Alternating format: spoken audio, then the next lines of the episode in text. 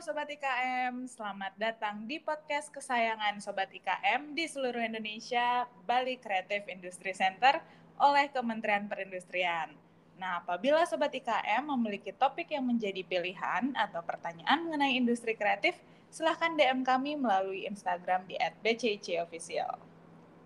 Di edisi podcast season terbaru kita kali ini, kita akan membahas mengenai siapakah target pasar dari produk kita bersama dengan salah satu mentor atau coach dari program Creative Business Incubator atau CBI di tahun 2021. Nah, sebelumnya Sobat IKM pasti penasaran kan apa sih itu CBI dan bagaimana cara mengikuti program kece ini? Oh, ya, terdengar ya. suaranya? Sudah, sudah. Okay. Sudah ya. dengar aman. Gimana Mbak Isti, apa kabar? Baik, alhamdulillah. Gimana, uh, Nanika? Sehat? Mbak Isti, Mbak Isti kan sudah uh. jadi mentor dari uh, program CBI ini selama kurang gitu. Dan ini tuh telah uh, dilaksanakan CBI itu programnya konsisten uh, oleh BCIC dan Kementerian Perindustrian. Nah, Mbak, kan tentunya dalam pembuatan uh, produk ini uh, harus dibarengi kan ya dengan kebutuhan dari konsumen sehingga produk tersebut dapat memenuhi keinginan konsumen. Nah, yang jadi pertanyaan dan uh, bahasan kita yang pertama ini uh, gimana sih caranya kita sebagai pelaku IKM itu bisa mengetahui siapa target marketnya kita? Oke, okay. uh, kita harus kita pengen tahu siapa target market kita. Nah, itu semua harus belajar lagi dari uh, cara kita menentukan produk kita itu dibikin seperti apa dulu nih biasanya sobat IKM. Jadi misalkan saya membuat produk ini karena lagi happening atau uh, lagi hype. Contoh sekarang orang lagi um, banyak jualan tas, uh, oh sorry tempat masker gitu. Misalkan tempat untuk masker ya, tempat masker. Berarti kita melihat itu dari fenomena. Nah, okay. kalau kita melihat dari fenomena target marketnya siapa, ya kita mesti lihat dulu orang-orang apa saja, siapa sajakah yang memakai um, tempat masker itu. Nah, itu lebih enak sebenarnya mencari target market dari sesuatu yang happening gitu, mencari sesuatu yang happening. Jadi tinggal kita lihat mana yang belum terpenuhi, kita langsung tahu. Atau yang kedua, kita bikin uh, produk karena kita merasa kok produknya nggak ada yang begini ya? Misal tempat masker tadi nih. Misalkan kita punya masker, terus kita mau naruh kok nggak ada tempat masker yang sesuai ya. Nah itu kan berasal dari diri kita sendiri. Berarti itu bukan dari uh, fenomena. Berangkatnya dari kebutuhan kita atau kebutuhan orang-orang sekitar. Itu namanya induktif. Nah kalau yang seperti ini, maka cara cari tahu target pasar kita adalah kita tinggal mencari orang-orang yang mirip sama kita siapa. Mm -hmm. Jadi tinggal kita belajar diri kita sendiri gitu. Oh, saya tuh maunya begini, cara cari cari produknya begini, harganya saya cuma mau bayar sekitar segini gitu. Nah, kita tinggal nyari orang-orang yang mirip sama kita. Nah, jadi tinggal kita balik aja pendekatannya seperti hmm. apa. Nah, secara teori, secara teori ya, kita ngomongin secara teori, untuk menentukan target pasar, kita perlu belajar yang namanya ST dulu. Segment ST. Sebenarnya teorinya namanya STDP, tapi ST-nya dulu. Okay. Segmenting dan targeting. Segmenting dan targeting. Oke. Okay. Nah, ini nanti pengaruh dari cara kita mensegmentasikan dan cara kita membuat target. Jadi gini, logikanya bayangin sebuah balon. Mm -hmm. Kita punya balon banyak, balon isinya air gitu. Nah, uh, kalau kita mau nembak balon ke sasaran, kita harus tahu dulu kan sasarannya seperti apa, bener nggak? Betul.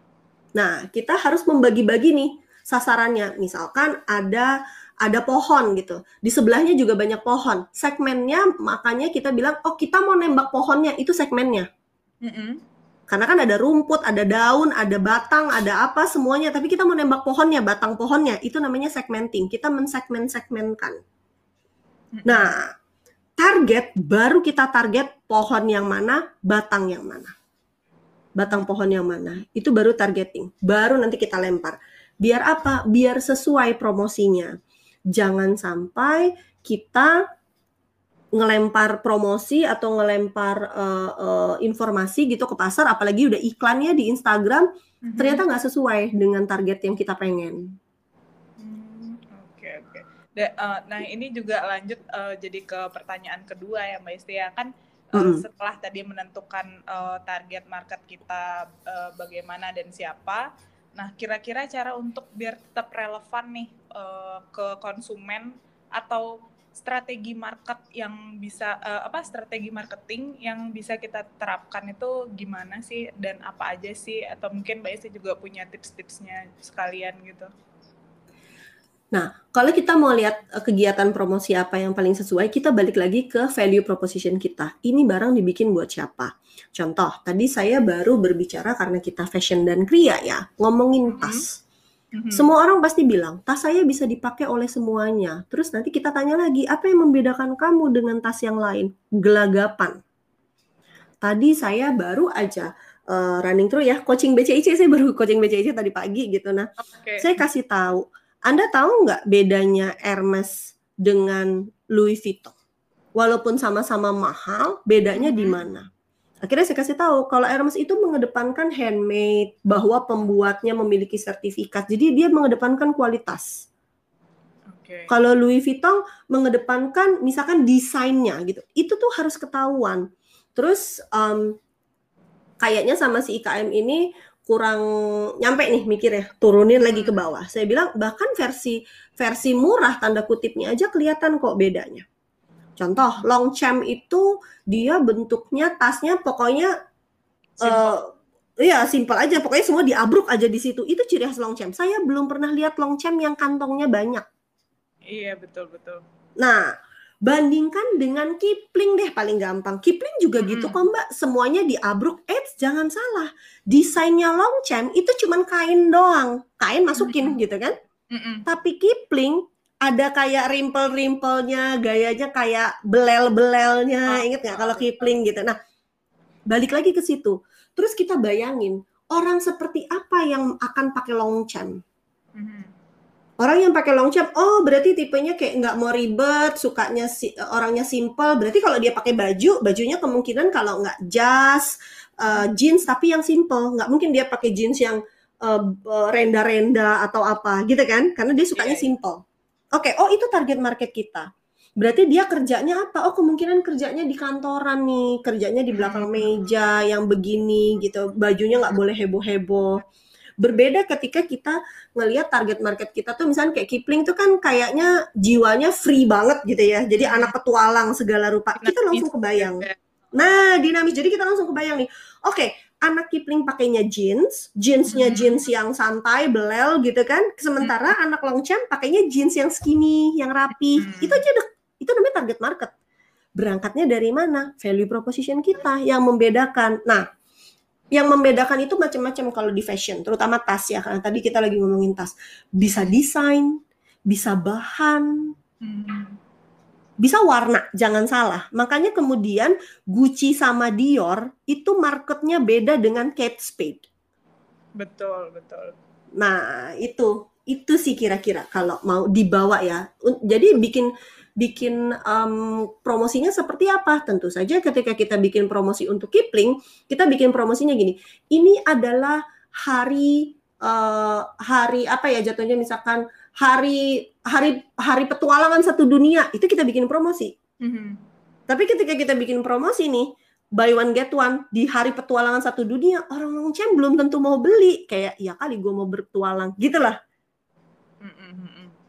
Nah, itu jadi balik lagi kegiatan promosi itu sangat terkait dengan uh, kegiatan apa namanya uh, pemilihan target market dan value proposition kita. Balik lagi ketika 17-an saya rasa nggak semua brand diskon di 17 Agustus. Nggak semua brand juga diskon ketika Valentine. Walaupun itu sebenarnya momen yang pas, tapi produk yang sudah punya value proposition clear, mm -hmm. dia hanya akan diskon atau melakukan promosi di hari-hari yang sesuai dengan target marketnya. Oke, berarti emang benar-benar harus uh, mengetahui dan mengerti uh, target market kita tuh uh, seluk beluknya gitu ya istilahnya Mbak Isti ya. Betul. Jadi kalau di uh, marketing itu atau branding kita bilangnya behavioralnya dia oh, seperti iya, apa? Kebiasaan-kebiasaan dari para si uh, target market itu sendiri. Iya. Kalau mau cari kata kuncinya di Google bisa dicari namanya psikografik. Psikografik. Pesiko gitu tulisannya psikografik gitu. Jadi nanti dia believer kah, dia apa gitu. Nah, ada macam-macam orang nanti mengklasifikasikannya seperti apa gitu. Tentu saja saya saja sama dia dan Laras ketika milih tas dengan duit yang sama gitu kan, misalnya kita punya duit sama-sama satu juta, pasti kita kan memilih merek yang berbeda kalau kita berbeda sifatnya. Nah, itu dia. Okay. Kata kuncinya ada di situ. Berarti nanti uh, sobat IKM di sini bisa langsung search uh, apa Mbak Isti? Psychographical. Nah, tadi kalau mau yang segmenting targetin namanya teorinya STP. Eh, ini dibagi dua ya. Kadang ada orang yang bilangnya STP. Kalau saya sendiri ngomongnya STDP karena ada diferensiasi di situ. Bagaimana kita bisa memposisikan diri kita kalau kita tidak tahu diferensiasi kita apa, gitu. Oke, oke, oke, oke. Wah, ini um, bahasannya sangat-sangat insightful banget uh, sobat IKM ini kalau nanti di kelas ada kok di kelas ada. kita pasti bahas detail nanti di kelas. Kita kupas tuntas sih di kelas biasanya. Ini kalau misalnya uh, teman-teman sobat IKM sudah daftar di programnya CBI atau inkubator bisnis kreatif pasti merasakan uh, ilmu-ilmu yang insightful banget dari mentor-mentor kita. Salah satunya Mbak Isti Budi gitu ya. Nah uh, mungkin Mbak Isti bisa ngasih uh, lagi nggak bocoran sedikit gitu buat sobat IKM yang mungkin masih penasaran nih di luar sana. Emang apa sih benefitnya kita uh, ikut CBI kayak gitu. Uh, kita uh, beri sedikit uh, pencerahan nih buat sobat-sobat IKM yang masih bingung di luar sana. Oke, okay. kalau ke uh, uh, apa ya benefitnya apa ikut gini. Jadi uh, jujur kami kami kita agak sombong nih kalau program CBI karena kita bukan cari orang kita bukan cari orang yang mau hadiah duit. Kalau oh. kita, kenapa? Karena kita cari orang yang mau meningkatkan bisnisnya dan mau maju. Karena alumni-alumni kita kayak Ebony yang sekarang udah bisa produksi 1400 jam jam ya, jam tangan dalam waktu seminggu. Kemudian uh, ada Wufiland yang bisa produksi sekali. Oh ya nanti Wufiland ini ya mau jadi pembicara juga kan ya di di acara CBI kan. Nah, betul, nanti tuh betul. yang yang kita yang kita pengen tuh yang yang seperti itu bisnisnya. Apa yang mau maju bareng dengan kita cari ilmu terus kita temenin mentoring bareng. Karena uh, pengalaman kami uh, sebagai konsultan gitu ya di Prastia Mulia hmm. juga yang banyak dicari oleh pebisnis sebenarnya ketika mengembangkan bisnisnya itu adalah ilmu dan mentor sebenarnya. -hmm. Nah, jadi benefit yang didapat adalah satu ilmunya kita kasih tahu nih, ibarat kata kita kasih tahu jalan lurusnya gitu. Kemudian okay. uh, yang kedua nanti ada mentoring one on one. Nah, kalau ini sih kita lihatnya bonus tambahan ya, tapi mungkin buat beberapa UKM ini kayak wah, ini karena saya mau ikut sini langsung jadi mitraan uh, mitra binaan Kemenperin ya karena udah di radarnya BCIC kan, berarti kan. Mm-hmm. Nah, seperti Arane, seperti um, studio dapur yang diajak ke Jerman, diajak ke US gitu kan untuk pameran atau Kyobo yang dikasih fasilitasi SNI untuk produknya Kemudian IAP juga dikasih SNI juga untuk produknya sampai kemudian lagi menjajaki untuk ekspor gitu. Nah, ini adalah benefit-benefit yang bisa didapat karena kita sudah masuk ke dalam apa ya? Saya bilangnya geng kerennya itulah gitu, geng eksklusifnya si CBI karena Kemenperin itu udah yakin bahwa oh kalau anak ini lulus dari CBI minimum dia sudah jadi educated entrepreneur gitu mbak. Mantap. Mantap. Itu benefit gampangnya sih kayak gitu. Terus benefit enaknya adalah kita langsung punya temen yang sama-sama ngerti bisnis. Jadi kolaborasi ketika kita kolaborasi lebih lebih apa ya? Lebih nyambung, lebih demi kemajuan bisnis bersama gitu. Ini banyak banget yang dilakukan sama anak-anak CBI begitu di kelas kolaborasi sih kita. Mm -hmm. Berarti gitu. emang manfaatnya da dari segi ilmu dapat, kemudian langsung bisa dipraktekin juga ke bisnisnya. Selain itu kita juga pasti akan mendapatkan uh, relasi gitu ya, dan ini akan bisa menghasilkan kolaborasi untuk bisnis kita sendiri, gitu kan? Yes. Yes, not to mention ketika ada uh, program-program dari Kemenperin gitu dari pemerintah, hmm. biasanya kita langsung tahu kan, pasti langsung di forward ke grup kan. Eh ada promosi ini, kita mau kita mau buka page Tokopedia, ada yang mau join enggak? Nah itu pasti tangan pertama sih kita dapat informasinya sih, oh. gitu. Oke keren banget udah ini uh, program CBI ini. nah, makasih banyak ya Mbak Isti untuk uh, sharing singkatnya pada hari ini. Gitu. Sama-sama, sehat-sehat ya semua. Ya.